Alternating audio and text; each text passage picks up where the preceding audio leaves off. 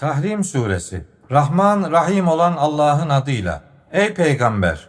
Allah'ın sana helal kıldığı şeyi eşlerini memnun etmek uğruna niçin kendine haram kılıyorsun? Allah çok bağışlayıcıdır, çok merhametlidir. Allah gerektiğinde yeminlerinizi bozmanızı elbette size farz kılmıştır. Sizin yardımcınız Allah'tır.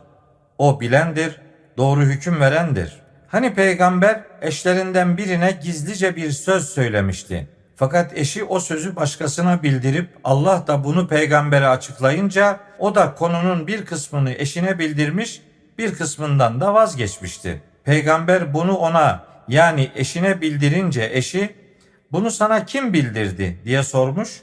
O da bilen, haberdar olan Allah bana bildirdi demişti.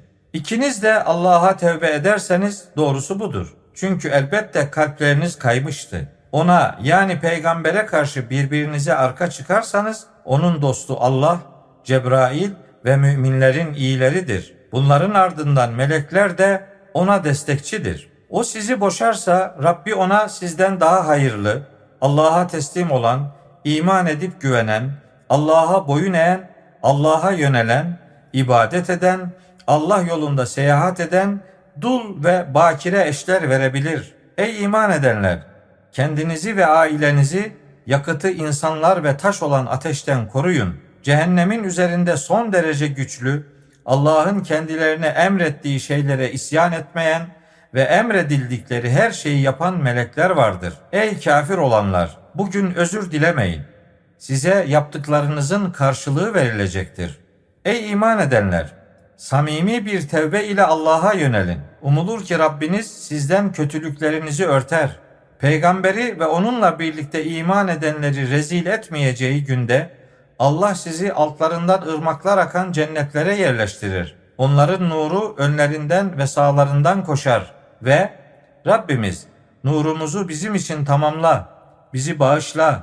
Şüphesiz ki sen her şeye gücü yetensin derler. Ey peygamber o kafirlerle ve o münafıklarla cihad et. Onlara karşı sert davran.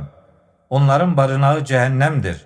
Ne kötü varış yeridir orası. Allah kafir olanlara Nuh'un hanımı ile Lut'un hanımını örnek vermektedir. Bu iki kadın kullarımızdan iki iyi kulun nikahları altındalardı ve onlara hıyanet yani ihanet etmişlerdi. Nuh ve Lut Allah'tan gelen hiçbir şeyi onlardan savamamıştı. Onlara ateşe girenlerle birlikte siz de girin denmiş olacaktır. Allah inananlara ise Firavun'un harımını örnek vermektedir.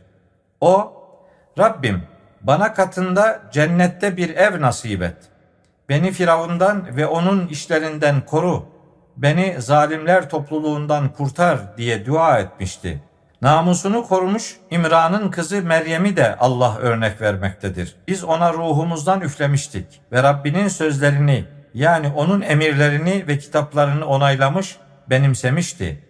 O boyun eğenlerdendi.